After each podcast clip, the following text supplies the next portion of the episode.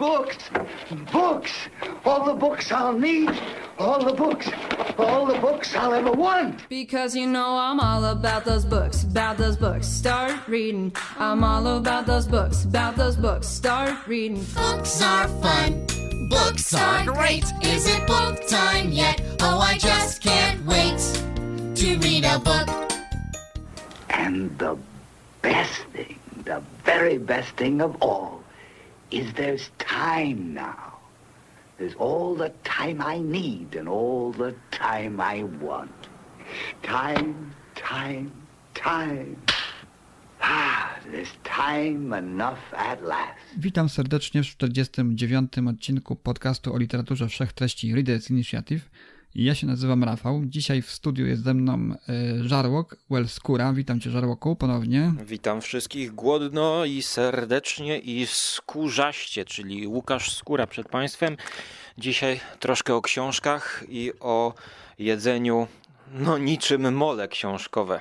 Witam serdecznie. Dzisiaj odpaliłeś po raz pierwszy swoją taką y, reklamę promocyjną, wideo na, na Facebooku. Oczywiście reklamę dotyczącą Twojej aktywności jako Żarłok TV, gdzie przedstawiasz różne, różnego rodzaju potrawy, y, różnego rodzaju jadłodalnie, różnego rodzaju restauracje i fast foody. Testujesz to wszystko na swojej własnej skórze, na swoim własnym żołądku w zasadzie. Od pewnego czasu y, próbujesz jakoś przekuć tę działalność w jakiś taki bardziej, no żeby ci chociaż refinansowało cokolwiek, te, te twoje materiały, ten twój sprzęt, który musisz nabyć, żeby, żeby po prostu kręcić te kolejne filmy. Yy, ruszyłeś na Patronite, no i dzisiaj wystartował twój film. Tak, no zdecydowałem się. Jest to, powiem ci, o tyle podjęte e, jakby, no z jednej strony ryzykiem, ale też zobowiązaniem, bo jednak e, robienie czegoś takiego w dzisiejszych warunkach, gdzie wszystko jest dostępne jakby za darmo, a mówię jakby, bo no, twórcy muszą poświęcać czas i, i żeby coś takiego robić, a także wiele innych rzeczy i innych twórców, ciekawych rzeczy, które robią, to jednak poświęcają czas. I wiąże się to przede wszystkim z tym, że tym, którzy zapłacą, no to muszę przygotować coś więcej, tak? Czyli dla patronów muszą być jakieś bonusy. I to jest, powiem wam, no dosyć takie mm, napięcie pewne, bo jednak trzeba zrobić jeszcze coś więcej niż się robiło dotychczas, żeby zadowolić tych, którzy coś wsparli. I to jest tym bardziej w jakiś sposób frustrujące, jeżeli nie ma nagłego, powiedzmy, boomu, tak, nie ma nagłego sukcesu. Więc ja tutaj jestem nastawiony po prostu na tak zwaną orkę na najbliższe miesiące, żeby robić więcej. No i dopiero ocenię, jak to będzie wyglądać po jakimś czasie, powiedzmy. No, kilka miesięcy trzeba temu poświęcić. Mhm. A powiedz mi, jakie, jakie masz, jakie przewidujesz specjalne nagrody dla Twoich patronów, jakie specjalne materiały też dla Twoich patronów, dla tych osób, które no, zechcą Cię wesprzeć w tym dziele, prawda, w tej Twojej, no powiedziałbym, wędrówce po, po różnego rodzaju restauracjach, punktach gastronomicznych, które no, niektórych z nich naprawdę bardzo egzotyczne, niektóre bardzo wykręcone są. To jest na pewno coś, co wychodzi daleko poza zakres tego, co można znaleźć w tak zwanej tej sferze fast foodów typowych. Tak, no więc przede wszystkim dostęp do dodatkowych filmów i także wreszcie uruchamiam to, co potrafię robić um, od lat, czyli Radio Żarłok dostęp do podcastów, mm. które będą no, dłuższe, będą bardziej merytoryczne, z tego względu, że mm, przede wszystkim lepiej i łatwiej i, i obszerniej można zbadać temat, e, jeśli chodzi o dłuższy odcinek niż 10-minutowy reportażyk na YouTubie.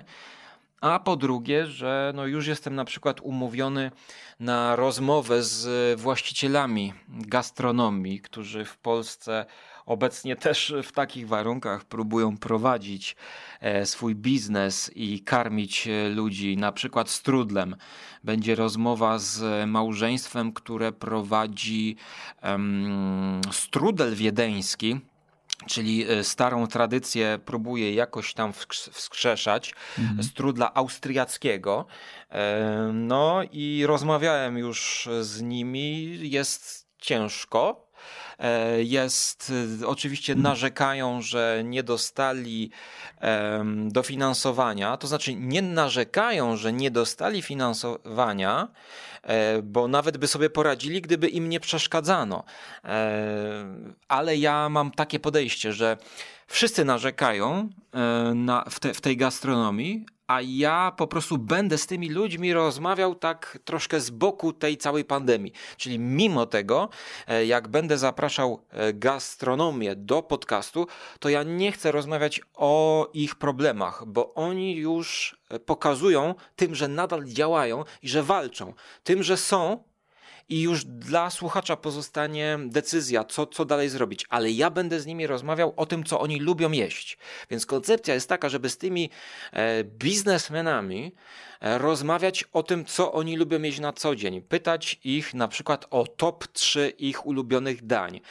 E, niekoniecznie w restauracji, ale może kiedyś zjedli coś w przeszłości takiego, co zapamiętali.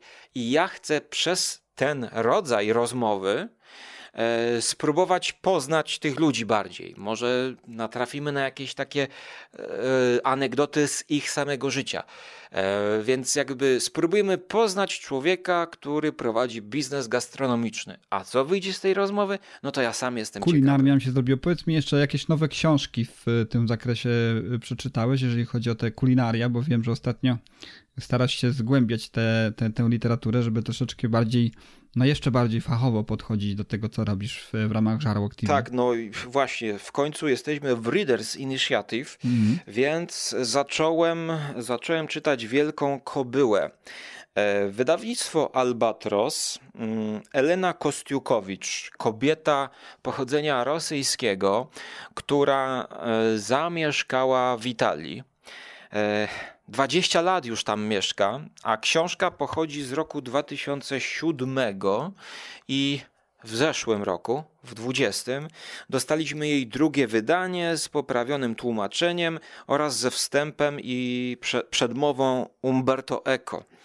E, to jest fantastyczna podróż. Mhm, wspominałeś o tej książce Dokładnie. już u nas, ale to chyba wtedy, wtedy dopiero zaczynałeś ją e, czytać. Wtedy w ogóle jeszcze jej nie miałem. Czekałem, aż ona do Aha. mnie przyjdzie.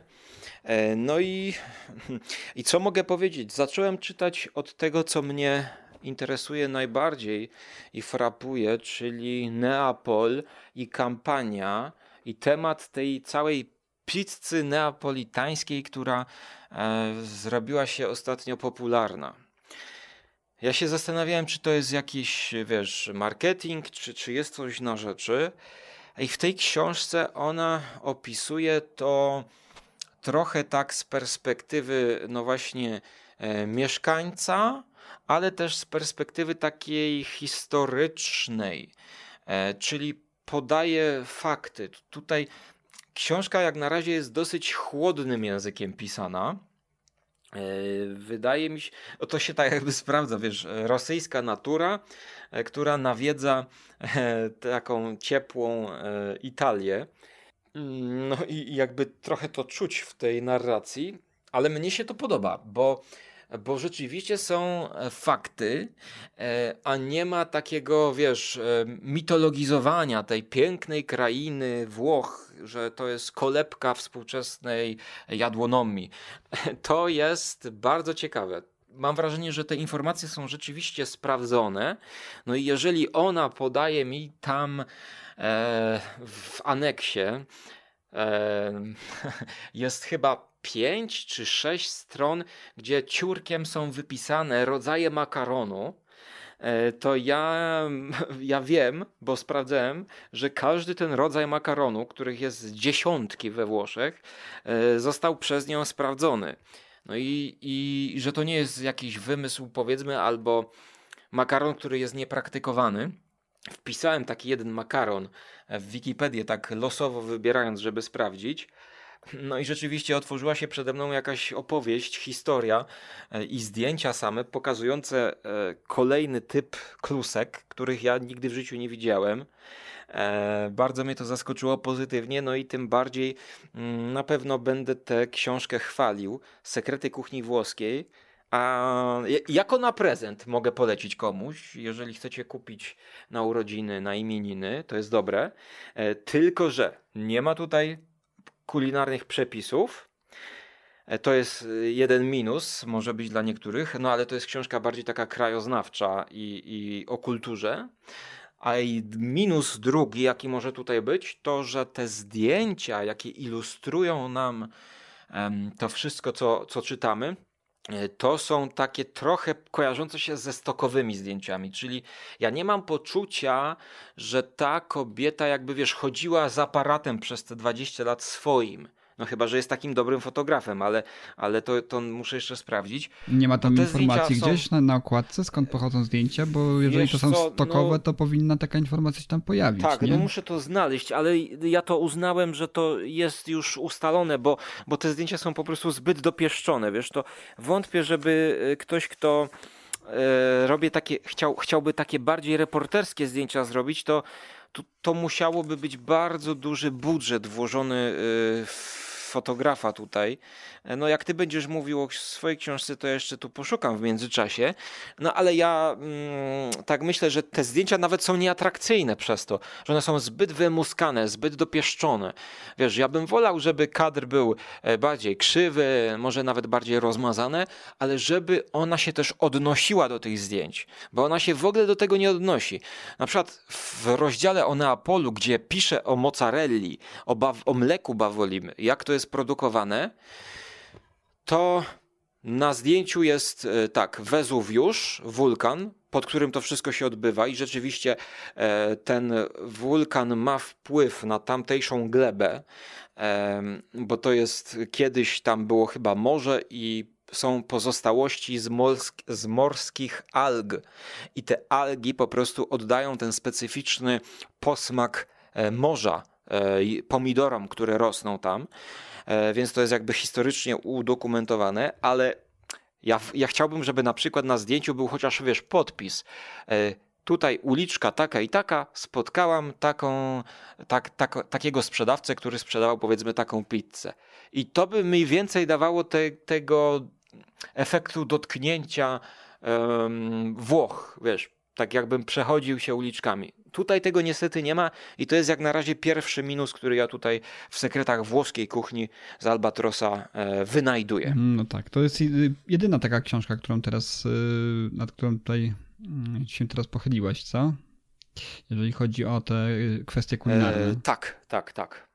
Zaczynam od tej, chociaż Mam jeszcze, właściwie zacząłem czytać, ale to minimalistycznie, E, biografię Lucyny Ćwierczakiewicz, polskiej kucharki i mhm. pisarki książek kulinarnych e, z przełomu XVIII i XIX wieku.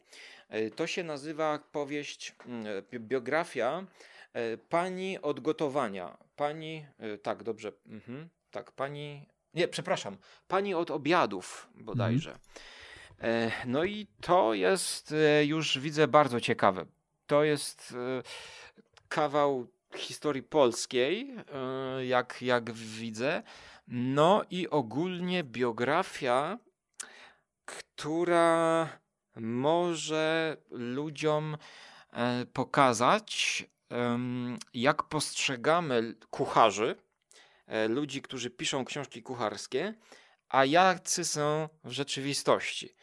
No nie chcę tutaj za dużo jeszcze mówić, bo na razie tylko liznąłem, ale jest bardzo ciekawie.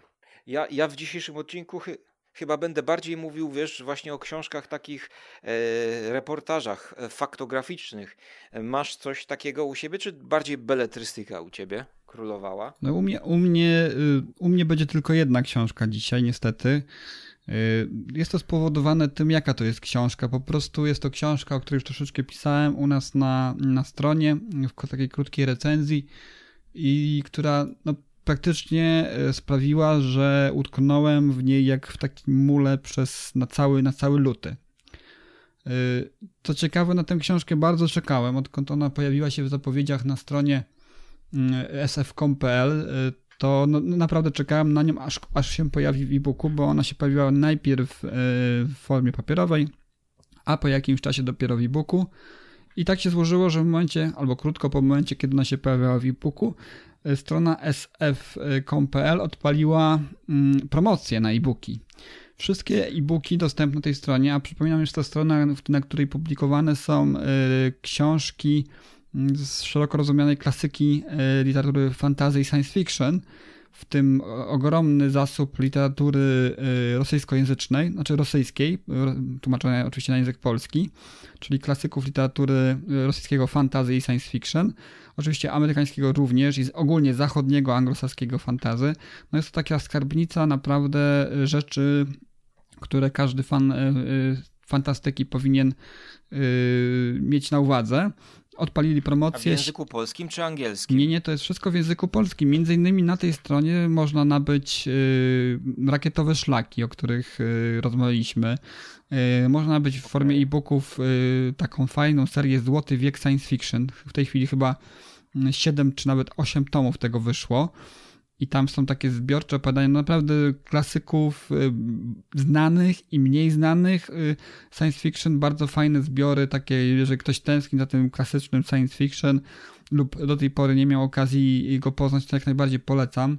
Y, księgarnię SF Compel. To jest księgarnia, zdaje się, wydawnictwa Solaris, ale tam też znajdują się książki innych wydawnic. I książka, której dzisiaj chciałem powiedzieć, to jest książka wydana przez Stalker Books. Ja dokładnie nie rozumiem, jak to, jak to jest e, z tym wydawnictwem, bo wydaje mi się, że to jest jakiś jeden taki konglomerat wydawniczy, który się dzieli na jakieś takie mniejsze podmioty i one wydają w tym zakresie swojej tam, y, tego, co, do czego są stworzone, wydają jakieś tam konkretne serie. No ale już mniejsza o to. Książka, na którą się ostrzyłem, yy, ostrzyłem sobie zęby, to jest książka Ostatni i Pierwsi Ludzie Olafa Stapletona, Stapledona, przepraszam. Książka mnie zaciekawiła już od samego opisu, ponieważ jest to książka, która ukazała się w 1930 roku, czyli na długo, długo przed tym, zanim e, pojawili się w literaturze ci klasycy fantazy, o których dzisiaj rozmawiamy, prawda? Czy to Isaac Asimov, e, Frank Herbert, e, Philip K. Dick, no, wymieniać można całą masę tych, tych kultowych klasyków. Mm, a jest to tyle ciekawa książka, ponieważ Stapledon postawił sobie w swojej książce za cel przewidzenie tej y, przyszłości człowieka, przyszłości rodzaju ludzkiego na kilka miliardów y, wieków y, do przodu, tak? Czyli od momentu, w którym książka jest napisana, czyli rok 1930, czyli mamy tutaj też zakres historyczny, który wchodzi tak jakby w naszą historię, która już jest za nami, którą my do, bardzo dobrze poznaliśmy, natomiast dla e, Stapledona to była przyszłość i tutaj bardzo, bardzo się rozmija z tym, co, jak, jak widzi e, rozwój ludzkości, rozwój e, świata. No, zaznaczmy, że to jest jeszcze przed pierwszą wojną światową, a tuż po, po przepraszam, przed, przed, przed, przed drugą wojną światową, a tuż po drugiej wojnie światowej, a tuż przed pierwszą wojną światową, a może tak bardziej. I tutaj bardzo się rozminął z tym, co, co, co, jak widział przyszłość ludzkości. To jest e, troszeczkę... Ale rażo... czy ty ją już do końca przeczytałeś? Ja ją przeczytałem do końca już, tak. 450 stron. 450 stron to nie jest wielkie, to nie jest wielkie wyzwanie dla mnie, 450 stron. Takie książki czytam dużo, dużo szybciej. Natomiast no właśnie, czyli co cię tak zmęczyło tutaj? to jest taka forma wykładu. Miałem wrażenie, jakbym czytał taką typową książkę yy, historyczną ale w formie takiego podręcznika, tak? Czyli kolejno y, wydarzenia, zwarty tekst, prawda? Żadnych generalnie dialogów, chociaż e, ta książka jest reklamowana jako, jako powieść, co wydaje mi się z takim troszeczkę e, złą e, kalką, kalką językową novel, tak? Bo mm, no, Stapledon napisał novel, prawda? Czyli to było coś, co, co generalnie nie jest nie, nie do końca bywa dobrym przełożeniem tego na język polski w formie powieści, tak? Y, więc y, no jest to taki zwarty tekst, taki zwarty wykład, no zaczyna się fajnie, bo to jest tak jakby mm, list y, z przyszłości, tak, tych ostatnich ludzi do tych pierwszych ludzi, tak, czyli pierwsi ludzie, no to jest nasz gatunek, czyli homo sapiens, który, którym my jesteśmy. I to jest list ludzi z przyszłości, którzy są no, rozwinięci w zupełnie innych sferach niż my. Tu w grę wchodzi telepatia, różnego rodzaju inne, prawda, wykształcone w trakcie prawda, ewolucji lub y, manipulacji genetycznych, tudzież jakichś y, wszczepów elektronicznych mm, rzeczy. I oni się zwracają do nas, ponieważ y, tak jakby chcieli nas ostrzec przed tym, co, co można nas czekać, żeby im pomóc w tym, żeby ta przyszłość nie była do końca taka jakaś tam Y, w przyszłości y, okazała, jakaś, takie, do, żeby zapobiec paru rzeczom, do, do jakich doszło w przyszłości. Tak? To jest taka odezwa ich o pomoc, o przestroga może przed tym, co, co ma nastąpić. No i potem się e, zaczyna to wszystko e, w, przeradzać w taką formę wykładu i obserwujemy kolejne etapy rozwoju ludzkości. Oczywiście w, u Stapledona jest kilka wojen, nie jest to nic, co przypominałoby naszą drugą wojnę światową, ale jest kilka wojen. E, podstawy tych wojen są różne, czasami bardzo banalne, czasami no, dużo bardziej zaawansowane, takie mocno wchodzące w ideologię.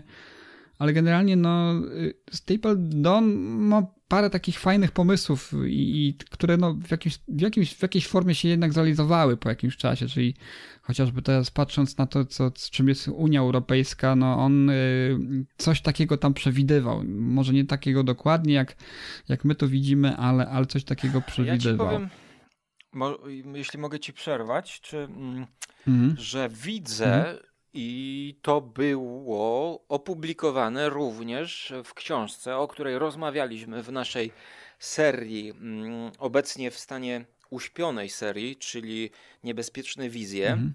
Otóż Droga do Science Fiction od Wellsa do Heinleina, tom drugi. Tutaj obok Wellsa, obok Edgara Rice'a Burroughsa, obok Jacka Londona, Lovecrafta, Huxleya i e, Merita jest Olaf Stapledon, fragment ostatnich i pierwszych ludzi w drugim tomie. Ciekawi mnie, który, bo do ciebie pamiętam, miały te książki dojść. Nie wiem, czy ty sprawdzałeś może, który tam. Wiesz co ja je mam, ale nawet, nawet jeszcze nie, nie, nie zajrzałem do nich i nie wiedziałem o tym, że ten fragment tam się znajduje.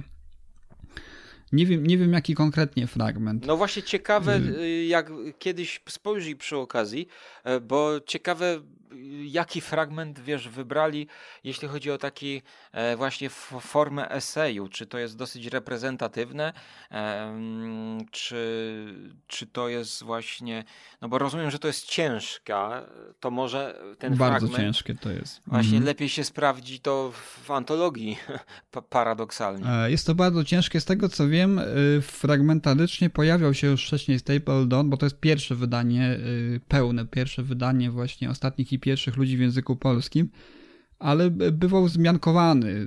W jednej chyba ze swoich zbiorów publicystycznych y, Stanisław Lem odnosił się właśnie do Stapledona.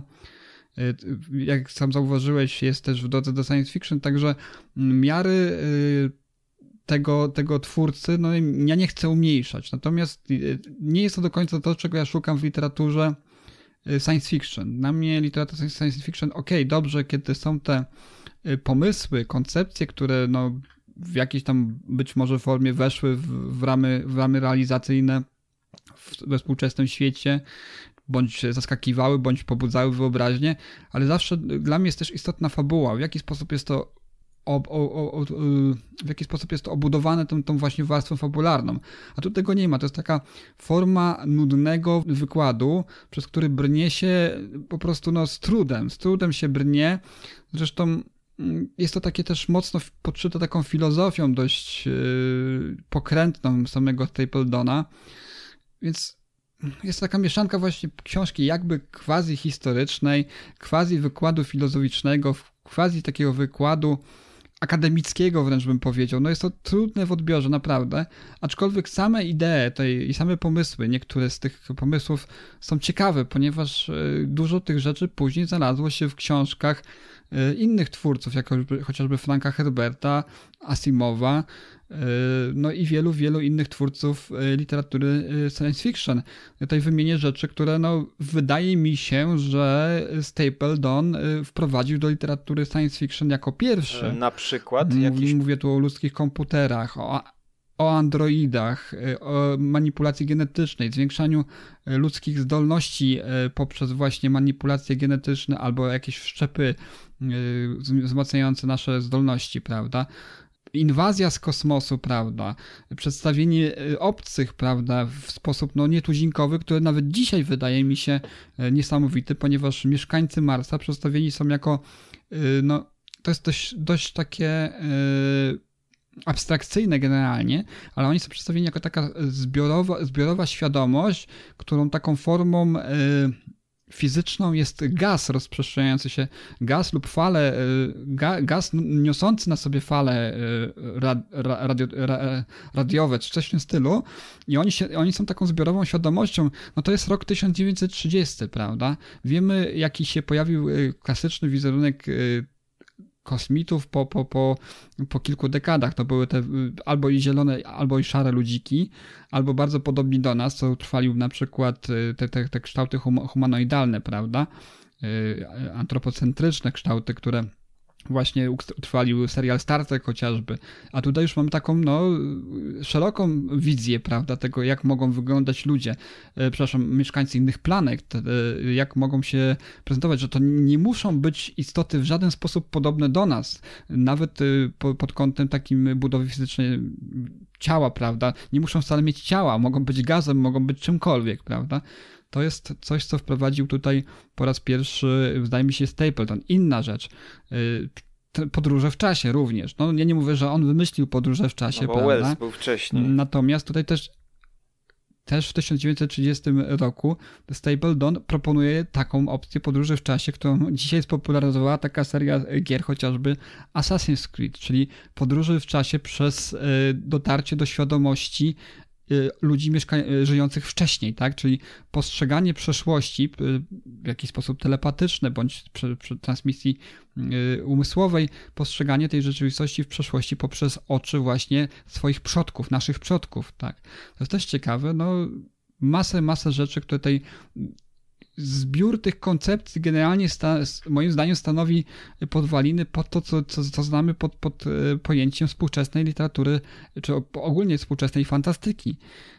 Bardzo mało osób właśnie odnosi się do samego Stapledona, prawda? Bo mówimy zawsze o tych, o tych wielkich, o tych znanych, tak? No on na pewno nie, nie należy do tych znanych, natomiast nie dziwię się, że tutaj właśnie przez znawców literatury science fiction bardzo często bywa przywoływany. Natomiast dla mnie, jako dla zwykłego odbiorcy, to było mm, nudne, po prostu. O ile ciekawe znajdowałem te pomysły, to lektura była nudna, po prostu nudna, yy, męcząca po prostu i yy, jako, że jestem jednym z tych czytelników, którzy jeżeli zaczną czytać książkę, to y, kończą ją. Nie, nie lubię zostawiać książek. Bardzo źle się wtedy z tym czuję, że jakąś książkę porzucę w trakcie czytania. I brnąłem przez tę książkę naprawdę przez prawie cały luty, przez jedną prawie książkę, nie licząc tych, których tam słuchałem sobie gdzieś na, w formie audiobooków. Natomiast no, z papierowych książek naprawdę sporo, znaczy z książek, książek fizycznych, czytanych, ta mi naprawdę zajęła ogromną, ogromną część czasu. Znaczy polecam jako taką ciekawostkę. To, to może powinieneś sięgnąć po dziwnego Johna, bo e, zostało na przełomie 89 e, roku e, wydane dwie powieści. E, Dziwny John, historia pół żartem, pół serio. To historia życia mężczyzny o niespotykanych umiejętnościach i predyspozycjach. Jego rozwój psychiczny sprawia, że staje się człowiekiem ponadnormalnym, homo superior. Opowieść tę, pełną dramatycznych napięć, grozy i tragedii ludzkich, można odczytać też jako rozprawę filozoficzną o cywilizacji Homo sapiens, widzianej oczyma Homo superior. I na okładce tutaj jest zabandażowany człowiek, e, rodem jak e, wręcz z niewidzialnego człowieka Wellsa i nalepka antyutopia. No a jeszcze jest druga powieść tego autora, którego tutaj y, zbadałem, jak mówiłeś, Syriusz. Syriusz, gdzie okładka równie zachęcająca, bo mamy mm, tutaj mutację psa z jakimś człowiekiem i jak to jest opisana fabuła, też może trochę komiczne to jest i, i zmierza w stronę takiego science fiction e, fantazy komediowego, bo Syriusz tytułowy to super owczarek, pies dziwo, Mówi, czyta, pisze, śpiewa. Jest dziełem wybitnego fizjologa z Cambridge, który poprzez wprowadzenie pewnego hormonu do krwioobiegu matki tworzy niezwykle superinteligentne superowczarki. Syriusz jest psem niepowtarzalnym, wspaniałym, sympatycznym, jest arcydziełem. Jego obserwacje świata i panującej nad nim ludzkości są bardzo ciekawym studium psychologicznym, w którym psia wierność i przyjaźń przeplatają się z surową oceną człowieka. No, takie też dwie powieści zostały wydane tego Stapledona i kojarzy mi się to e, z takim opowiadaniem, gdzie psy rządziły światem po tym, jak wyginęła ludzkość z małpami chyba razem i omawialiśmy to w jednym z odcinków naszej serii e, niespod, niespodziewane, e, niebezpieczne wizje. Słyszałeś coś o tych powie powieściach dwóch Stapledona?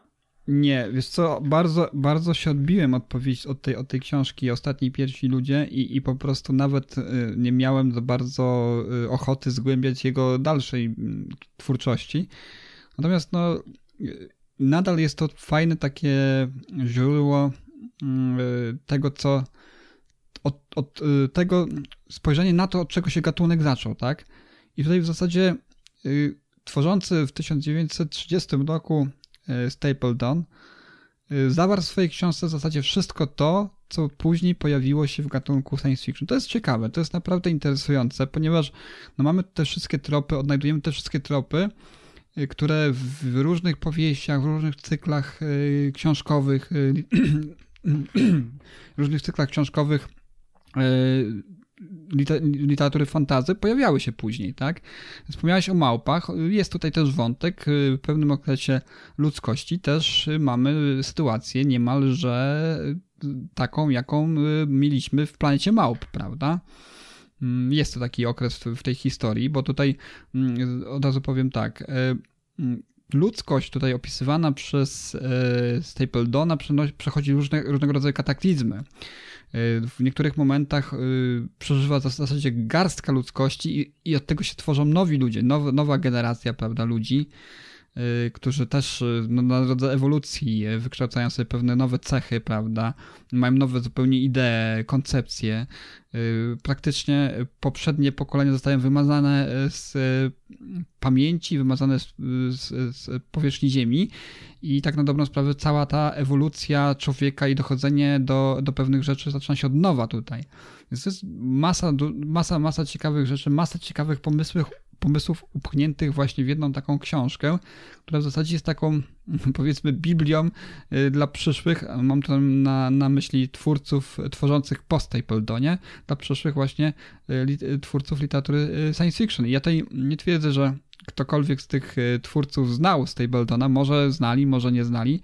Natomiast tam widać tutaj jakieś echa, czy też elementy tego, co, co zawarł u siebie w tej takiej pigułce science fiction, tworzącym no, praktycznie u zarania gatunku sam Stapleton. To, to, to, jest, to jest bardzo ciekawe. No, są, są też pomysły kuriozalne tutaj, przy niektórych to normalnie śmiałem się w głos, bo to przewiduje na przykład taki okres w historii ludzkości Stapleton, gdzie y, ideałami właśnie y, ludzkości są y, taniec, y, muzyka i latanie samolotami. Także lotnicy są taką uprzywilejowaną kastą, y, szlachtą tak jakby tego, tego świata. No i tutaj też ciekawy taki i, i równie kuriozalny element jest, w którym y, taką inicjacją, czyli czy, czy selekcją tych, y, którzy są, nadają się do tego, żeby żyć po prostu, mówiąc wprost, a, a tych słabszych to, to było wyrzucanie właśnie niemowląt ze spadochronami, prawda? Y, I y, jeżeli taki niemowlak wylądował na skrzydłach samolotu pilotowanego przez jego ojca, no to wtedy y, przeżywał i był jakoś wprowadzany, prawda, w tę społeczność. Jeżeli nie, no to wiadomo, co się, co się stało. No, kuriozalne pomysły, nie wiadomo z czego wypływające i dlaczego tak właśnie przewidywał. Ale wiesz co, to może taki rzeczywiście efekt komiczny chciał osiągnąć. Ja nie wiem, czy komi- nie, właśnie to nie, komiczne w tym wszystkim jest to, że on tak na serio, prawda, bo to tutaj nie ma ani śladu humoru w tych książkach. Najmniejszego. Jeżeli się z czegoś śmiejesz, to po po prostu z takich, że te idee są po prostu absurdalne. Ale też w niektórych właśnie momentach, tak jak wspomniałem, to jest iskra, iskra geniuszu, bo, bo na długo przed wieloma y, tych, którzy są znani z tego rodzaju twórczości, y, przemyśl, wprowadził do właśnie literatury mm, takie elementy. Nie? Więc to jest z jednej strony ciekawe, tak jak napisałem w swojej no każdy musi sobie odpowiedzieć sam, czy warto się przemęczyć i przeczytać tę książkę, żeby poznać y, w zasadzie, w zasadzie genezę mm, tego, co, co później pojawiło się w literaturze fantazy, czy też po prostu odpuścić sobie gdzieś tam poczytać streszczenia tego i, i, i nad tym wszystkim y, przejść tak troszeczkę na skróty, nie?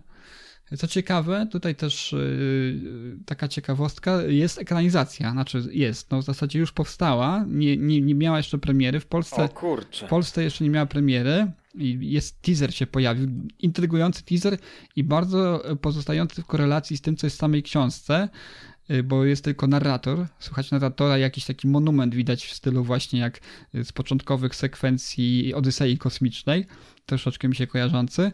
Y, film ten oczywiście, tak, tak i sama książka, troszeczkę będąc niszą, y, pojawi się w Polsce dopiero chyba pod koniec tego roku. Y, tu piszą, że 27 października i to jest film festiwalowy, który pojawi się właśnie w ramach tego festiwalu Nowe, Nowe Horyzonty. Także ja nie wiem, czy on się pojawił w ubiegłym roku, w październiku, czy dopiero się pojawił w tym roku, ale wydaje mi się, że dopiero się pojawi, bo on, bo on chyba w ubiegłym roku się pojawił i to jest film e, islandzki, ale, ale narratorką jest gwiazda, można powiedzieć, no, w jakimś stopniu gwiazda, Tilda Swinton. Znana, ak znana aktorka, no i charakterystyczny, ma, ma, bardzo charakterystyczny głos. I tam właśnie zaczyna się ten, ten właśnie mm, teaser, zaczyna się właśnie tym takim przesłaniem, że oto wiadomość od nas, ostatnich ludzi, do was pierwszych ludzi. To, to są w zasadzie te pierwsze, pierwsze zdania z książki. Więc jestem bardzo ciekaw tego, tej, tego filmu. Ja myślę, że to będzie... To może być ciekawe. Że będzie to, tak, wizualnie to się zapowiada naprawdę fajnie, ale wydaje mi się, że to będzie takie mm, troszeczkę artsy-fartsy, prawda? Coś, co właśnie mógłbym porównać z, z tą książką, że ona jest taka pod wieloma względami bardzo dobra artystycznie, yy, no nie, nie, nie, nie jest to źle napisane pod kątem tego, czym, czym udaje, że jest, prawda? Czyli takiego wykładu, yy, takiego przesłania. Jako powieść to się nie sprawdza, jest męczące i wydaje mi się, że film będzie czymś takim, taką yy, też ucztą, prawda, dla tych bardziej wysublimowanych odbiorców. I, i tutaj wydaje mi się, że no w ogóle takie to wszystko dziwne, nie, prawda, bo i islandzki i, Island, Islandczycy się zabrali za ten film i też w ramach festiwalu on będzie pokazywanego, który, pokazywany, który, który generalnie pokazuje takie filmy raczej też niszowe, nie? Takie bardziej artystyczne.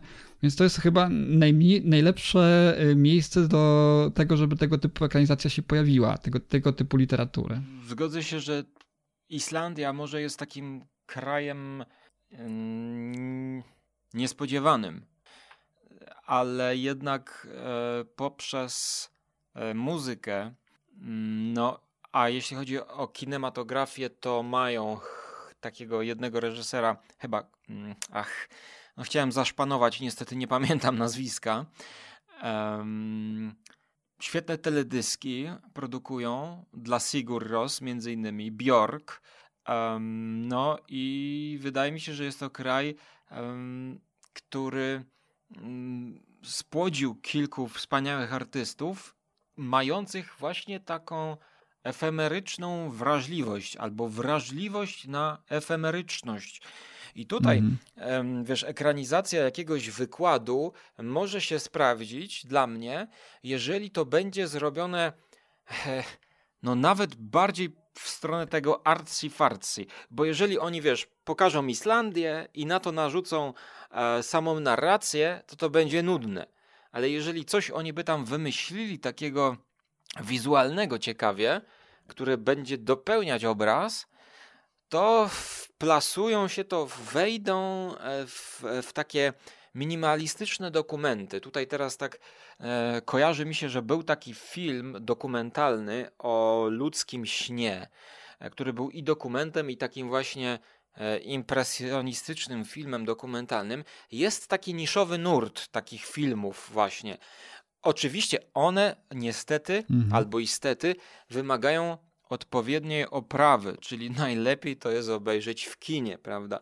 E, Kiedy mm, ty nie możesz z tego kina wyjść i z jednej strony nawet jeżeli to jest wolne tempo, to łatwiej się wczuć i po prostu już wchodząc tak jak do teatru na długie przedstawienie, e, już po prostu wiesz na co idziesz i jakby uspokajasz się i, i wchodzisz w pewien stan transu, medytacji nad tym obrazem. Em, tak jak na przykład w Krakowie tutaj mm, Mhm. kiedyś jak bardzo dużo chodziłem do teatru, to był spektakl e, sześciogodzinny bodajże, albo ośmiogodzinny spektakl e, Krystiana Lupy, mm, polskiego reżysera znanego e, w całej Europie, no, klasyk teatru, który zekranizował, znaczy, przepraszam, przeniósł na deski teatru Mistrza i Małgorzatę Bułhakowa. I 8 godzin było podzielone na dwie części, czyli em, 4 godziny bodajże i 4 godziny. I pomiędzy tymi czterema godzinami chyba była godzina przerwy, wiesz, żeby e, sobie odpowiednio coś tam zjeść i, i rzeczywiście odpocząć. E, Ja koniec końców na to nie dotarłem, ale mówię o tym dlatego, że specyficzna forma odbioru, e, kiedy wiemy, że wiesz, porywamy się na coś takiego ogromniastego, e, to my już jakby nastawiamy i w grupie zawsze tak, ja mam osobiste uczucia, że w grupie jakby tak się czuję raźniej pod tym kątem odbioru, że, że jest, jest, jest taka zupełnie inna Mhm. forma imersji. No jak to się sprawdzi im w stanie pandemicznym, no to przed telewizorami, no nie wiem, ale rzeczywiście zaciekawiłeś mnie tutaj, będę śledził tę produkcję. Może będzie można obejrzeć to nawet online, bo widzę tutaj na, now- na stronie Nowe Horyzonty są też filmy online. Tutaj z opisu e, pana Piotra Mirskiego na stronie jest tak już mniej więcej e, ustosunkowuje mnie do tego, z czym będzie można mieć do czynienia. E, Przez zasłonę czasu przedziera się komunikat z przyszłości. Łagodny, uprzejmy głos mówi o tym, co czeka ludzkość za wiele milionów lat. O ewolucyjnych przemianach i, i nieuniknionej katastrofie. Proroczym słowom towarzyszą, ap, towarzyszą apokaliptyczne wizje. Widzimy kolejne monumenty o fantastycznych kształtach, które wznoszą się pośród przepast, przepastnego pustkowia, najwyraźniej porzucone przez swoich budowniczych. Pośmiertny reżyserski debiut Johanna Johanssona jest awangardowym widowiskiem science fiction, budzącym skojarzenia z klasycznym filarem Chrisa Merke, Ma- O Markera. matko. To ambitne, to ambitne dzieło stanowi splot sprzeczno- sprzeczności, odznacza się zarazem rozbuchaniem i ascezą, zawiera majestetyczne obrazy, a przy tym odwołuje się do wyobraźni odbiorców. Paradoksalny wydaje się również jego wydźwięk, którym ponury fatalizm idzie w parze z żarliwą afirmacją wszystkiego, co Kupuj przynosi bilet los. dla mnie, bo ja, e, ja nie wiem, jeżeli to Hmm. jest z Johanssona, to ja na to idę, nie wiem, oglądam, bo Johansson e, to jest jeden właśnie, no moim zdaniem z wybitnych Kompozytor, bo to Kom- piszą o tak. tym, że to jest... Tak, tak, tak. To, to jest jego debiut reżyserski. Mhm. No to jestem w szoku, on już nie żyje. Niestety to jest jeden z Mhm. najbardziej niesamowitych twórców e, współczesnej muzyki filmowej, e, który miał robić muzykę przecież do Blade, La- Blade Runnera nowego, który chyba coś tam już zaczął robić, ale go wymienili na Hansa Zimmera koniec końców. E, ja znam jego w, e, muzykografię, jego płytografię, jak to się mówi, nie wiem. Znam jego dorobek, jest rzeczywiście wspaniały. Jeżeli tam będzie muzyka Johanssona, to to możesz zyskać dla fanów, bo teraz każde pośmiertne wydanie jakiegoś albumu i cząstki jego muzyki e, jest dla melomanów bardzo oczekiwane. No i tutaj właśnie Chris Marker La Jetée chyba film z lat 60., z 60 roku. Miałem też o tym wspominać, bo e, to właśnie był taki, no, mokumentary, czasami się to chyba uznaje za mokumentary, film eksperymentalny, dokumentalny i jednocześnie science fiction, bo to jest 30-minutowy film, w którym Chris Marker stworzył e, opowieść za pomocą tak zwanych stillsów, czyli fotografii nieruchomych. To Mhm. są po prostu fotografie, które on poukładał i narzucając narrację stworzył historię. E, I To może być bardzo podobne, bo jedy, jedyną, y, jedy, jedyną osobą w obsadzie jest tylko Tilda Swinton, także ja myślę, że to będzie coś podobnego, że ona No. będzie, wiesz, narratorką, podobnie jak w książce. Mamy cały czas tego narratora, tak, wszechwiedzącego. tak. I obrazy jakieś będą. Tutaj zresztą wspomnia- zapytałeś, czy, czy y, Johansson też pisze muzykę. Tak, on pisze muzykę, napisał scenariusz i, i wyreżyserował ten film. No to wspaniale. Ja jestem e, już zaraz dodaję do watchlisty. W ogóle dowiedziałem się od ciebie, nie wiedziałem, że coś takiego będzie. Czyli na Mhm. festiwal. A kiedy ten festiwal Nowe Horyzonty będzie? Znaczy ja nie wiem, czy, on, czy oni będą y, to realizowali w tym roku z powodu pandemii, no ale przynajmniej jest napisane tutaj, że start sprzedaży biletów 27 października tego roku. a 21, premiera tak? 5, 27, a, a, a premiera będzie 5 listopada, także nie wiem, czy, czy oni to od razu online udostępnią, czy po prostu y, będzie to jakaś, jakaś y, pre, projekcja po prostu, tak? Czy będzie to jakiś seans taki y, kinowy. Ale festiwal Nowe Horyzonty będzie, rozumiem, listopad 2021 rok. No tak obstawiam, bo film powstał w zeszłym roku, zdaje się, y, pod koniec zeszłego roku Mhm. i, i tak, no premierę będzie miał dopiero w Polsce właśnie y, pod koniec tego roku. Więc to... Bo festiwal Nowe Horyzonty zwykle odbywał się w e, wakacje, okresie Aha. wakacyjnym. No, do, do tego nie wiem, nie, jestem, nie ma tu takiej informacji, która by mówiła, czy to będzie właśnie pokaz kinowy, czy to będzie raczej online, prawda, udostępniany film, bo też, tak jak wspomniałem, y, można sobie na, na stronie nowehoryzonty.pl obejrzeć y, VOD to, tak? Znaczy w tej, w tej, w tej Ale chwili tego nie ma. ciebie, tutaj jest powiedziane, że to jest sierpień. To jest sierpień. Nie, nie, tutaj e, dostępność online jest 5 listopada, 5 listopada, tak. Czyli online będzie jednak, tak. E, tak. Ale poczekaj, bo mm, na nagłówku strona nowehoryzonty.pl jest Międzynarodowy Festiwal Filmowy 21 od 12 do 22 sierpnia. Aha, wiesz co, bo może ja wszedłem na tę ich stronę w VOD, a może faktycznie najpierw będzie y, w pokazie publicznym takim kinowym, a później dopiero 5 listopada w formie właśnie y, wideo, wideo Mhm. A on jaki jest polski tytuł tego jeszcze filmu? Jak to chcą... Ostatni, pierwsi ludzie. Okej. Tak jak tytuł książki Stapletona. Wiesz co, ja, ja ci też y, radzę może jeszcze tak w ramach, mm, bo całej książki nie polecam generalnie, żeby się, żebyś się męczył, chociaż to też tak, tak jak powiedziałem wcześniej, no, to, to indywidualna kwestia jest, czy ktoś chce przez to brnąć, czy nie. Mm, Natomiast y, rzuć sobie okiem może na ten y, fragment, który jest właśnie w Krokach w Nieznane i, Tak. i, i po tym zobaczysz mniej więcej z czym będziesz mógł mieć do czynienia, jeżeli chodzi o film, nie? Ja jestem ciekaw, co z tego zrobią. Na no pewno, bo na pewno. jeżeli mówisz, że to taka, taka awangarda i, i, i twórca też związany z jakimś tam i nawiązujący do jakichś awangardowych filmów, no to wydaje mi się, że tak, że, że, jest mi to, że jest to taka najlepsza forma do realizacji tej, tego, tego, yy, tej książki w formie filmowej, no bo ja bym powiedział, że to jest nie, nie do zrealizowania, jeżeli chodzi o film.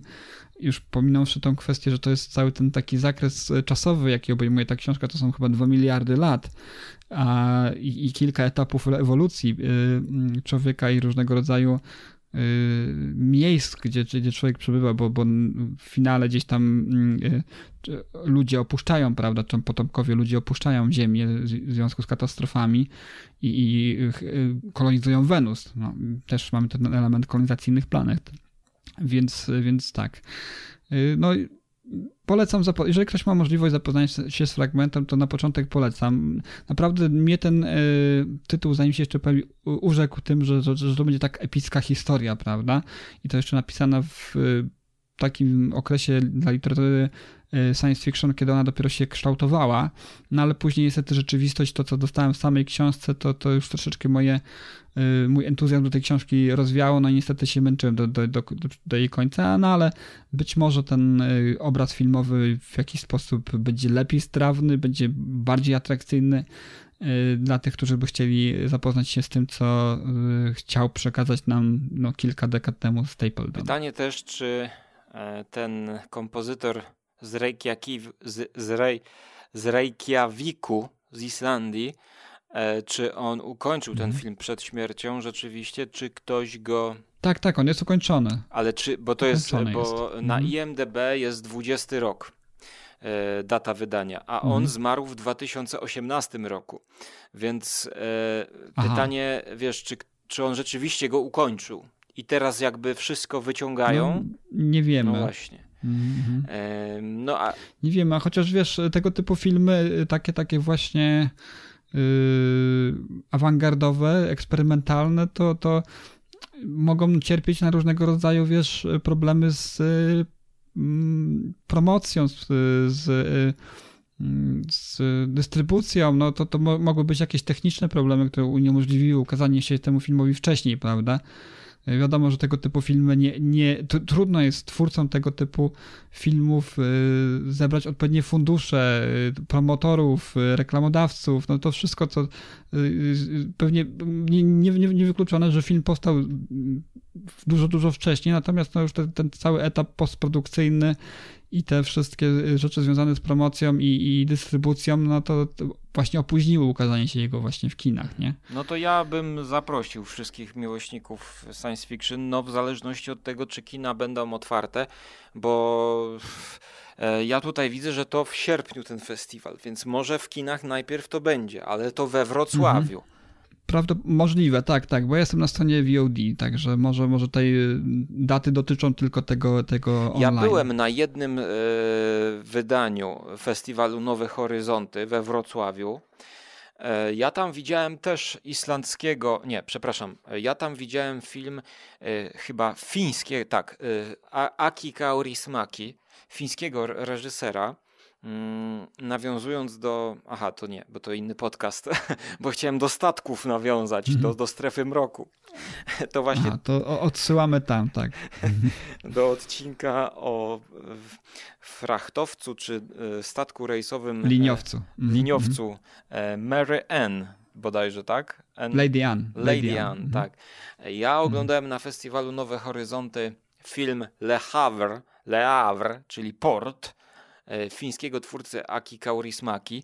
E, No, bardzo dobre kino, e, kojarzące się z kinem takim w stylu troszkę Barei filmu z lat 80. polskim, pokazującym tam em, współczesną mm, Finlandię, jeśli, jeśli dobrze pamiętam narodowość kra, e, reżysera.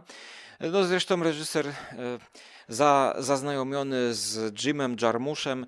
E, no ale to właśnie. Mm, Tęsknimy, tęsknimy za festiwalami, tęsknimy za e, swobodnym podróżowaniem, e, bo pandemia tutaj pokrzyżowała plany i festiwalom również to się daje w kość. Nie tylko branży gastronomicznej, od której zaczęliśmy. No, zobaczymy, jak to będzie. Mhm. Także podsumowując, no po, polecam, jeżeli jesteście takimi trochę ma masochistami czytelniczymi, to, to polecam tę książkę. Jeżeli jesteście takimi bardziej osobami, które chciałyby od, z punktu widzenia badacza sięgnąć po literaturę science fiction, to jak, jak najbardziej polecam. Natomiast czytelnik, który oczekuje od literatury y, bardziej takiej wartkiej fabuły, czegoś interesującego, coś, co obudowuje tę y, warstwę naukową w, w literaturze science fiction, y, jakąś fajną taką narracją, to, to niestety odradzam bardzo, bo to jest taka formuła nudnego, y, monotonnego wykładu. Także jeżeli chodzi o ostatnich i pierwszych ludzi Olafa Stapletona, to tyle. Natomiast co u ciebie, Żarłoku, co, czym dzisiaj chciałbyś za- co co dzisiaj chciałbyś cię za, zarekomendować lub, lub po prostu tak jak ja też y, od- odradzić y, E, lekturę? To ja może zacznę od aplikacji, bo mm, cały czas próbuję czytać książki w formie e, e-booków e, i rzeczywiście coraz bardziej mi się to zaczyna podobać. No niestety jak widzę Mhm. cenę, no ten czytnik, który ty polecasz, to, to jest cena około 500 Mhm. zł, tak? Ten dobry, bo No są, są też tańsze. tylko ja już teraz mogę swój ja ci teraz powiem, e, jako taki e, neofit, znaczy nie to, że neofita, co ja bym chciał i co dla mnie z perspektywy czytelnika e, e-booków byłoby najważniejsze. E, Byłoby tak, podświetlenie ekranu na pierwszym Mhm. miejscu, czyli że ja mogę sobie czytać po ciemku. E, możliwość przesuwania stron, ale nie tak jak e, papier toaletowy, tylko tak jak książka z lewej do prawej. A ja widziałem, że te czytniki mhm. tak się rozwijają jak papier toaletowy, czyli że w dół idziemy. Czy ja mam rację, czy, czy, czy nie? Jak... Nie, nie, nie. Nie, mam. Ja, Kindle z lewej do prawej rozwijają. Znaczy, większość czytników, z którymi miałem styczność, to normalnie przewraca stronę, yy, no, mijając ekran lub yy, tradycyjnie fizycznym przyciskiem Przerzucasz stronę z prawej Okej, okay, ale Kindle odpada, ponieważ to jest Apple. Ja nie mam mhm. ani Maca, a aplikacja Legi mi... Nie, nie, Kindle to, Kindle, to, Kindle to nie jest Apple, to jest Amazon. A, to prze... tak, racja, racja. Więc y, jeżeli chodzi o wgrywanie e-booków, to nie potrzebujesz żadnego y, sprzętu. Kindle obsługuje... Tak, można mailem wysłać. Widziałem, że mailem można, można tak. wysłać. Mhm. Ale niestety teraz kluczowe, myślę, dla mnie będzie współpraca z aplikacją Legimi. Kindle y, form teoretyczna, znaczy Kindle nie współpracuje z Legimi, jest, jest opcja, która umożliwia obejście tego, tego, tego całego tego y, procesu i jakoś tam ludzie, u, ludziom się udaje to, natomiast to nie jest natywnie, tak? To, to nie jest natywnie, nie, nie współpracuje. Natomiast no, są czytniki, które współpracują i, i one się funkcjonalnością w zasadzie nie różnią za bardzo od Kindle, bo mają te wszystkie rzeczy, o których mówisz, czyli, czyli podświetlenie, coś już wydaje mi się w tej chwili standardem. Także no, wyszły jakieś nowe modele Pocketbooka, y, coś co na A pewno... jak mam zdjęcia? Czy te czytniki są w stanie pokazać takie zdjęcia kolorowe, powiedzmy jakbym nie. oglądał na komu... A, no właśnie. Nie, nie. To... Y, czytniki, czytniki mają to, to jest, to jest symulacja tego, tego y, e-inku, znaczy ten e-ink jest symulacją tak jakby tuszu jest to na razie w tej chwili mm, czarno-białe. Są też czytniki, pomału są wdrażane czytniki kolorowe. Są oczywiście droższe. Natomiast jeżeli chodzi o, mm, o zdjęcia, y, wszystkie czytniki mają już dość, dość dobre rozdzielczości, więc jeżeli są zdjęcia nawet czarno-białe, one są czytelne. Ja wiem, że na przykład są osoby, które na, na Kindlu y, czytają komiksy, czy też mangę, więc to też nie stanowi jako, jako takiego problemu. Mm, no i te, i te, te, te e-booki są też formatowane odpowiednio, także te zdjęcia też są troszeczkę y, do, do, bardziej dopasowane do tego, żeby były wyświetlane na czytnikach. Ale tak jak powiedziałem, no Kindle, y, te, które ja posiadam, Oasis i większość czytników y, to tylko jest, są odcienie szarości. Aczkolwiek no jest, to, jest to dobra rozdzielczość i, i jeżeli nie zależy Ci na kolorze, a tylko na tym, mm, żeby zobaczyć, co jest na zdjęciu konkretnie, co dane zdjęcie prezentuje, to jak najbardziej. Natomiast e, e-book zakupiony w jakimkolwiek sklepie możesz otworzyć na Kindle czy też na czytniku, ale możesz otworzyć go na komputerze. Jeżeli chciałbyś się bardziej przyjrzeć danego, danemu zdjęciu, no to zawsze sobie możesz taki e-book wczytać na laptopa czy też na komputer i tam sobie podejrzeć to zdjęcie, prawda? No ale powiedziałem, no czytnik nie jest najdoskonalszym urządzeniem, jeżeli chodzi o, o zdjęcia, ale sprawdza się jako tako, tak? Prasę ludzie też czytają, też wiadomo, że w prasie też troszeczkę tych ilustracji jest więcej niż, niż w typowej książce, więc no jakoś sobie, jakoś sobie z tym ludzie, ludzie radzą. Dlatego ja na razie jestem na komórce i jak czytam z wydawnictwa Czarne książkę pod tytułem Białe, Zimna wyspa Spitsbergen, to zdjęcia są rzeczywiście w kolorze, tak jakbym normalnie oglądał E, wiesz, zdjęcie na jakiejś witrynie internetowej i, i, to jest bardzo dobre. Aplikacja Legi mi coś takiego robi. Tylko zastanawiam się, czy jak ja już mam tę książkę, ściągniętą ją na aplikację Legimi, to jeżeli skończy mi się mój abonament miesięczny, e, to po tym miesiącu ja będę musiał znowu wykupić abonament, żeby móc tę książkę otworzyć? Wydaje mi się, że tak. Wiesz co, ja nie korzystam z abonamentu Legimi więc jestem, nie, nie jestem tutaj w 100% wiarygodnym źródłem, ale wydaje mi się, że tak każdą usługę subskrypcyjną, tak będziesz musiał również wykupić e, abonament, żeby dalej korzystać z tej biblioteki. Mm, na Amazonie to wygląda tak, ja mam na Amazonie e, ten Kindle e, Unlimited wykupione i tam też mam pewien taki do, dostęp do, do, do, do dość sporej biblioteki mm, darmowych książek, ale też w ramach tego abonamentu mam takie jakby karnetowe punkty i tam mogę sobie książkę za ten karnet wykupić e, i mieć ją już na stałe w swojej bibliotece. Nie wiem, czy Legimi coś takiego też oferuje, czy tylko, tylko dostęp do biblioteki oferuje. Tego, tego nie No tego właśnie, chyba się okaże, wiesz, chyba się okaże, e, bo tutaj są dwie opcje. Najpierw możesz dodać książkę na półkę i jak dodać ją na półkę, to możesz ją pobrać. No i jak ją pobierzesz, to możesz czytać. No i to jest ciekawe. Ja specjalnie zaczekam, żeby mi się skończył ten abonament i zobaczę, czy potem jest do tego wejście. E, no bo tak to, no nie wiem, nie wiem. No, nie, nawet e, aplikacja Legi mi e, nie daje takiej informacji, jak, jak widziałem. A dodatkowo jeszcze aplikacja Legi mi umożliwia robienie zakładek i cytatów, zapisywanie sobie. I chciałbym cię to, zapytać, To wszystko czy... masz w Kindlu też, tak, tak. Aha. Robisz sobie zakładki, no, no, notatki, e, możesz sobie notatki robić do danego fragmentu na przykład, zakładki, cytaty. A czy mogę przeszukiwać książkę? Tak, e, nie tylko samą książkę, ale na przykład pod kątem frazy możesz przeszukać całą swoją biblioteczkę. Hm, Czyli Super. Nie, tego, no to tego, rewelacja.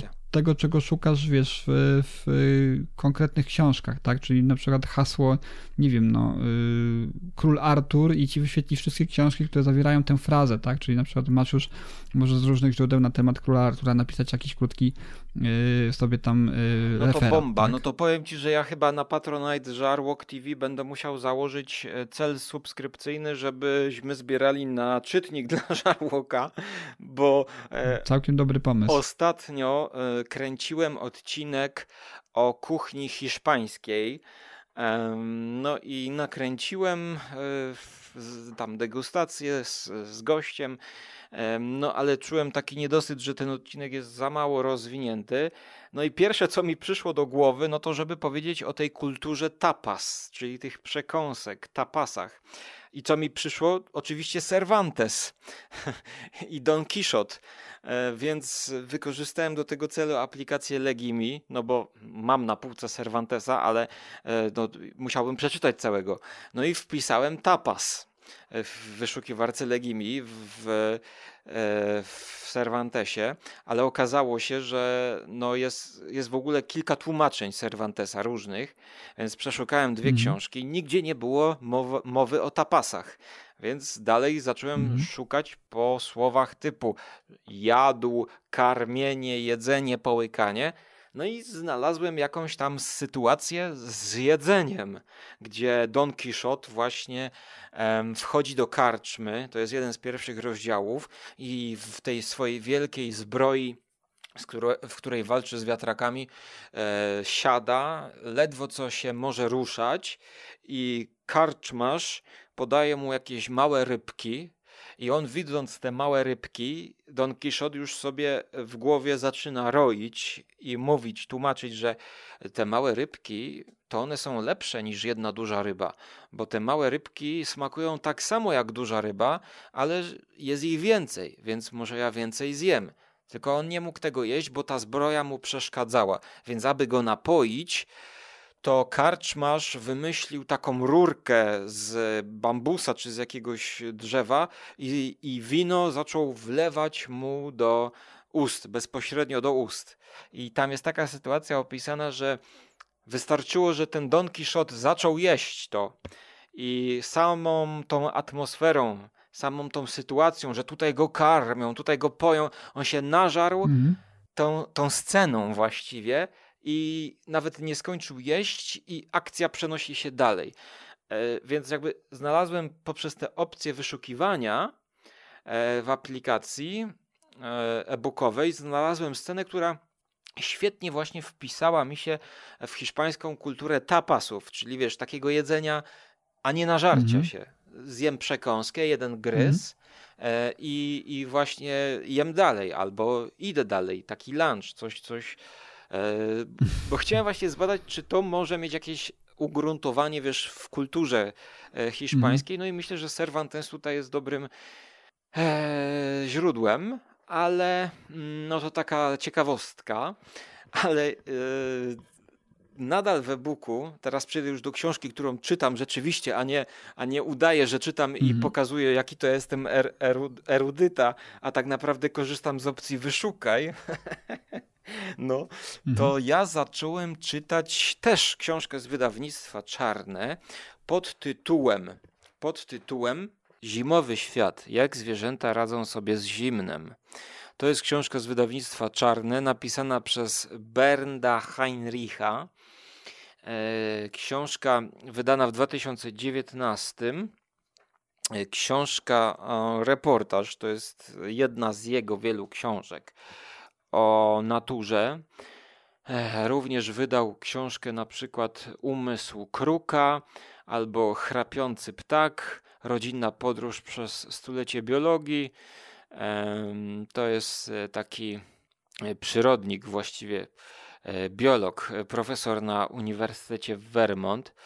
A ta książka, o której dzisiaj mówię, to jest książka pokazująca różne gatunki, które on obserwuje e, i jest po prostu wyjaśnione, jakie sposoby mają różne zwierzęta na przetrwanie zimy. Ten człowiek próbuje odpowiedzieć na pytanie, dlaczego ptaki odlatują, a jak nie odlatują, no to w jaki sposób gromadzą tłuszcz i po co gromadzą tłuszcz i odpowiada na pytanie, czy ta hibernacja jest po to, żeby na przykład e, bo po co jest hibernacja? Po to, żeby spać, e, czy po to, żeby mm, jeść?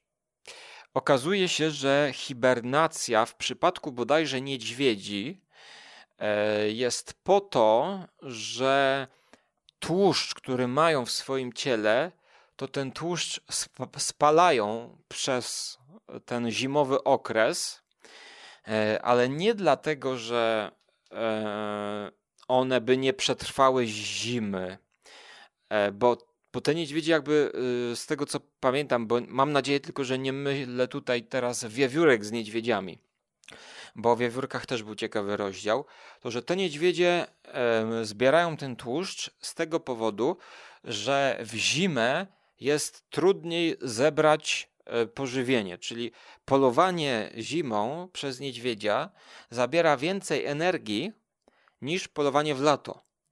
E, I po prostu to jest taka jakby sytuacja, że niedźwiedź jakby ma wpisane w swoją naturę, że jemu się raczej nie chce polować zimą.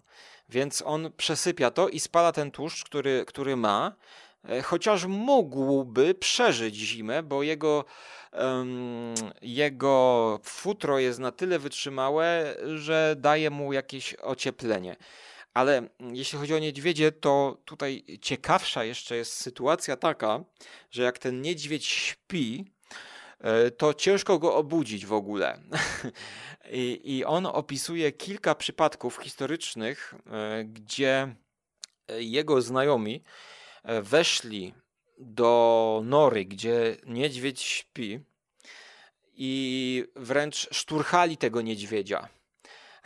A ten niedźwiedź po prostu, wiesz, no śpi i nie jesteś w stanie obudzić tego niedźwiedzia. Znowu inna sytuacja była taka, że ten niedźwiedź e, zaczął się budzić. I facet, jakiś biolog też właśnie wszedł do takiej gawry niedźwiedziej, czyli to jest gniazdo e, nora niedźwiedzia, to jest gaw, gawra. E, niedźwiedź wchodzi do gawry i w momencie, kiedy ten biolog, znaczy nie ten, który jest akurat autorem książki, tylko inny, którego przy, przypadek opisuje chyba z lat 70., e, mierzył temperaturę niedźwiedziowi. I w momencie, kiedy ta temperatura była mierzona, to ten niedźwiedź właśnie zaczął się budzić i orientować. Tylko proces wybudzania tego niedźwiedzia, no to jest jakby tam w tej książce opisany jakby z pierwszej ręki. że on się bardzo powoli wybudza. I wręcz zaczął się ruszać ten niedźwiedź. I w pewnym momencie ten biolog miał taką sytuację, że no nie wiadomo, czy, czy on wyjdzie z tego i udało mu się wyjść, kiedy ten niedźwiedź właśnie się ruszył z, te, z tej nory. Jeszcze inna była taka sytuacja, na przykład, że pies wszedł y, do nory, chyba też niedźwiedziej, albo już lisiej, nie pamiętam, i ciężko w ogóle było wyciągnąć tego, tego psa z tej nory. Więc to są takie troszkę anegdotki po części. Chociaż trzeba powiedzieć, że Mm, no jest sytuacja taka, że na początku jest trochę takiego słownictwa ach, trudnego, czyli ta hibernacja i różne inne odmiany hibernacji, spania, niespania Ja zupełnie tego nie byłem w stanie zapamiętać, dlatego wydaje mi się, że błędem tej książki i tym, co może zniechęcić ludzi do dalszego czytania, jest to, że pierwszy rozdział to jest, on mówi wprost do czytelnika tak. Żebyśmy mogli się normalnie posługiwać i dalej czytać, to muszę wam wyjaśnić kilka pojęć. I on zaczyna to wszystko objaśniać tak jak na lekcji biologii. No i to już jest taka pierwsza mm, ta, ta, mm, tama, no ta w sumie taka brama, przez którą trzeba się przecisnąć, bo no ja mówię tak, no, no nie, nie, nie przyswoję tyle e, pojęć od razu. Wydaje mi się, że e, książka, która zmierzałaby bardziej do takiej popularyzatorskiej roli, to powinna te pojęcia wprowadzać w miarę równomiernie podczas narracji książki. E, więc ja to tak pominąłem, ale jak potem zacząłem już czytać o wiewiórkach na przykład, które e, zbierają orzechy na zimę albo jak szyszki, to mnie to bawiło I, i, czytało się to już dalej e, w porządku, chociaż oczywiście no, te wszystkie procesy z mojej winy nie, nie są zrozumiałe przez, przez to właśnie, że pominąłem pierwszy rozdział, bo nie oszukujmy się, nie jestem żadnym biologiem ani, ani mm, naukowcem, chciałem właśnie czegoś takiego ciekawego, takich ciekawostek. No i trzeba przyznać, że one tutaj też się znajdują. Jestem około w połowie książki i jest to fajna lektura na zimę. E, ja jestem fanem filmów zimowych, upiornej opowieści Petera Strauba, więc to jest taka odtrutka troszkę. Na okładce jest sympatyczny chyba mysi skoczek, mysioskoczek, albo to jest wiewiórka. No i trochę ta książka taka jest właśnie, że to są takie cie sympatyczne ciekawostki, ale które mają ugruntowanie e, w jakichś tam faktach, tak? bo, bo ten facet jak coś bada, to opisuje to z pierwszej ręki, albo podaje przykłady tych, tych zderzeń z, e, z przyrodą, na prawdziwych przykładach. I to jest bardzo, bardzo na plus, ale w porównaniu do polskiego twórcy, do polskiego pisarza e, mm, Bogusława Dyjakowskiego, jeśli dobrze pamiętam, to jest znowu taki polski pisarz, e, który był popularno, popularno-naukowy, mm, który napisał na przykład taką książkę Las Dobrze pamiętam, tak. E, biolog.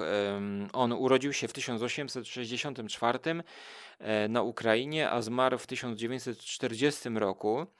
E, to ostatnio zostało u nas wznowione mm, las z naszej przyrody albo Atlas Motyli Krajowych. I on opisuje przyrodę polską na terenach Polski w taki sposób bardziej dla młodzieży, tak uchodzi to trochę, aczkolwiek no, w sposób bardziej innowacyjny, powiedziałbym. Kupiłem sobie kiedyś tą książkę Nasz Las i jego mieszkańcy, to się tak dokładnie nazywa, żeby to przeczytać w wakacje, ale teraz przeczytałem o świstaku. Taka książeczka 50 stron. Wydaje się to być skierowane dla dzieci ale jest to napisane tak, że szczęka opada po prostu. Ponieważ już od samego początku narrację zaczyna tworzyć ten człowiek w taki sposób, że my, obserwując świstaki, e, obserwujemy rodzinę świstaków.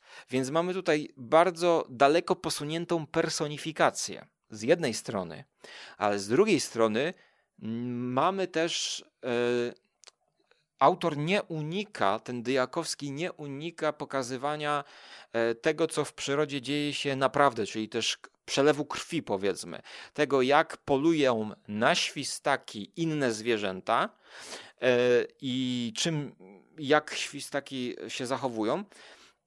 A jeszcze, jeszcze mocniej jest, bo jest scena opisana, e, kiedy jeden z górali, bo to się dzieje w latach chyba 30. albo 40., E, kiedy jeden z górali wychodzi na, e, na, na turnie i takiego świstaka zabiera do domu, do domu. I ja mówię sobie tak, no to już przesadziłeś człowieku. Po prostu pojechałeś, bo y, nie dość, że pokazujesz mi świstaki jako jakąś rodzinkę, to ty jeszcze teraz robisz tutaj home invasion, że góral kradnie świstaka, czy powiedzmy tam bierze świstaka i bierze go do domu. I zaczyna go karmić chlebem, ziemniakami, i normalnie tego świstaka traktuje jako domowe zwierzątko.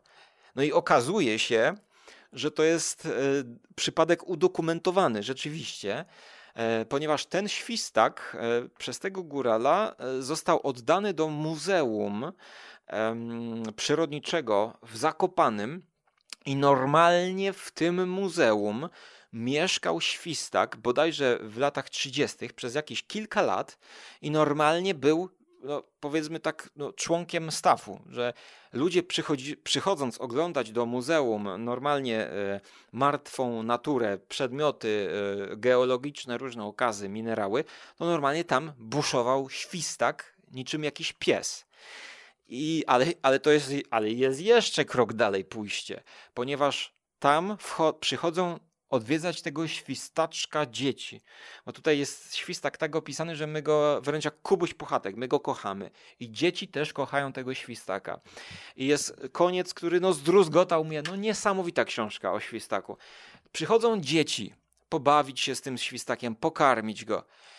Aż do momentu, kiedy te dzieci są sprawcem, e, sprawcami e, wypadku jakiegoś. Że wyobraźcie sobie pies, pogryza, gryzie tego świstaka tak, że e, chyba mu miażdży głowę i ten świstak umiera i potem ten świstak e, zostaje e, no, wypatroszony i zrobio, oprawiony, tak? E, zostaje z niego e, zdarta skóra, znaczy oczywiście no, zgodnie z zasadami, jak on już jest nieżywy i ukatrupiony przez tego psa, e, który przypadkiem jakoś tam wleciał i do dzisiaj ten świstak jest w tym muzeum. A tą informację o tym, że to wszystko jest prawdziwe, to do, dowiedziałem się dopiero z posłowia. I pierwsze co pomyślałem, no to, że jakbym był w Zakopanem, to bym chciał zobaczyć tego świstaka, czy to jeszcze jest rzeczywiście prawda. Ale w przypadku Dyjakowskiego to było coś takiego, że ja się nie spodziewałem, że to jest taka gra na emocjach.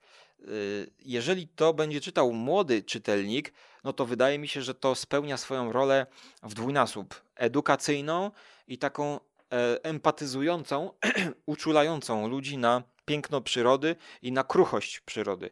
E, o świstaku, no niesamowita pozycja. Powiem ci, niesamowita pozycja, a jeszcze to mi się tak trochę zazębia z drugim e, właśnie tym wspomnianym na początku reportażem o Spitsbergenie, tak, czyli białe. Bo tutaj kobieta, która jest na Spitsbergenie, e, opowiada o tym, jak ludzie żyją na tym kole podbiegunowym, bo to się już chyba zalicza, bo Spitsbergen to jest jedna e, z większych wysp przy Norwegii, e, gdzie prowadzone są badania właśnie przeróżne, naukowe, ale jest to no, na tyle opuszczone miejsce, że tam są raczej tylko naukowcy i tylko konkretne jakby rzeczy robią. Ogólnie jest pustka, ale chodzą tam niedźwiedzie. I znowu w tym reportażu, to jest wydawnictwo czarne, jest opis e, ataku niedźwiedzi na ludzi. E, I tam prawo jest takie, że można zabić niedźwiedzia, ale tylko w obronie własnej. Jakby nie można polować na nie, ale w obronie własnej tak. No i jest przy, no, historia przerażająca, że e, był tam jakiś obóz harcerski, chyba dzieci, i cztery osoby zostały ciężko ranne w tym dziecko, które spało w namiocie, zostało nagle zaatakowane przez niedźwiedzia, który wszedł do namiotu i wyciągnął paszczą za głowę tego dzieciaka z namiotu. No i oczywiście na miejscu go y, zabijając to dziecko, mordując, gdyż ten niedźwiedź ważył 250 kg. E, potem, jak zrobiono sekcję niedźwiedzia, to okazało się, że nie miał wścieklizny E, ale chyba był bardzo głodny, ponieważ był jakby nie miał w żołądku żadnych potraw, więc po prostu chciał zjeść ten niedźwiedź człowieka.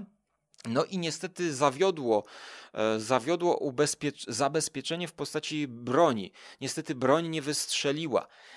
I, i po prostu doszło do tragedii, która została potem udokumentowana przez jakiegoś chyba sławnego fotografa, mm, już nie pamiętam jego nazwiska, który zrobił takie zdjęcie, którego tutaj niestety w tej książce nie ma. No, tu mogę wymienić minus tego reportażu.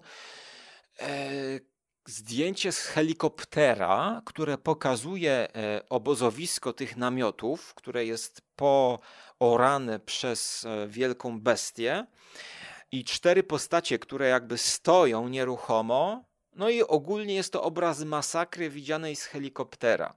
E, sam opis tego zdjęcia jest na tyle dający mm, wyobrażenie o, o tej sytuacji, że no jeszcze, jeszcze Mm, nie widziałem go, chociaż mm, teraz sobie przypominam, to zaraz sobie to wygooglam, ale niektórzy czytając opis z tego zdarzenia mogą właśnie obawiać się tego wygooglać, bo jest to no takie zderzenie przyrody i człowieka e, w tym reportażu.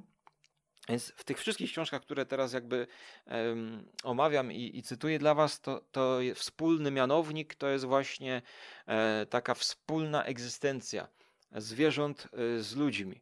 E, i, I jeszcze mm, nie skończyłem tych reportaży z wydawnictwa Czarne, no ale myślę, że mm, da się wciągnąć. Da się wciągnąć, tylko trzeba brać pod uwagę, że narracja w tych książkach jest taka bardziej. No, no mniej wciągająca niż w, w, opowieści fabularnej. Bo na przykład na tym w Spitsbergenie to tam są co rozdział to jest opisywany różny typ człowieka, jaki tam przyjeżdża, jakaś inna dzielnica e, tego miejsca, e, więc taka rwana narracja.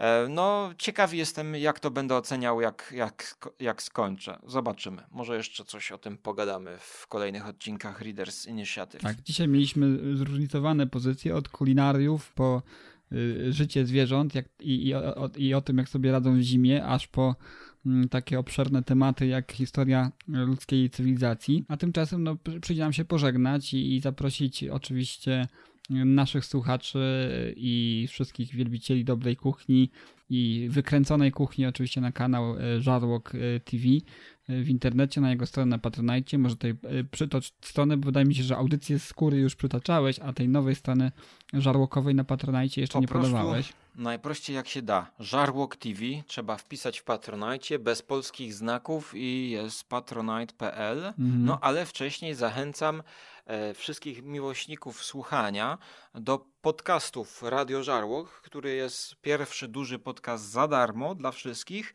E, do tego celu słuchania polecam aplikację Patronite Audio, e, gdzie tam obecnie publikuję te audycje. Mhm. Audycja jest o historii pieprzu. E, tak więc e, takie ciekawostki. Dużo pieprzenia. No tak. Dużo pieprzenia, tak jak dzisiaj o zwierzątkach. Mm, dobrze. Jeszcze raz Ci dziękuję, Żarłoku, że dołączyłeś dzisiaj do mnie w Leaders Initiative. Ja e, serdecznie zapraszam wszystkich słuchaczy do kolejnego odcinka. Zapraszam do pozostawiania komentarzy. Mm, bardzo fajnie się uaktywniają. Niektórzy nasi, nasi słuchacze mają też swoje opinie na temat naszych Y, tej książek, które cenzujemy. Więc jeszcze raz serdecznie zapraszam. Dziękuję wszystkim i do usłyszenia. Dziękuję. Do usłyszenia w przyszłości. Cześć. There's so many books to choose. Get on board, you just can't lose. Books expand your mind, it's true. Reading books is good for you.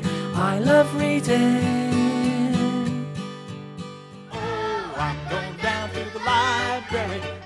Out a book, check it in, check it out. Gonna say hi to the dictionary, picking out a book, check it in, check it out. I'm going down to the line.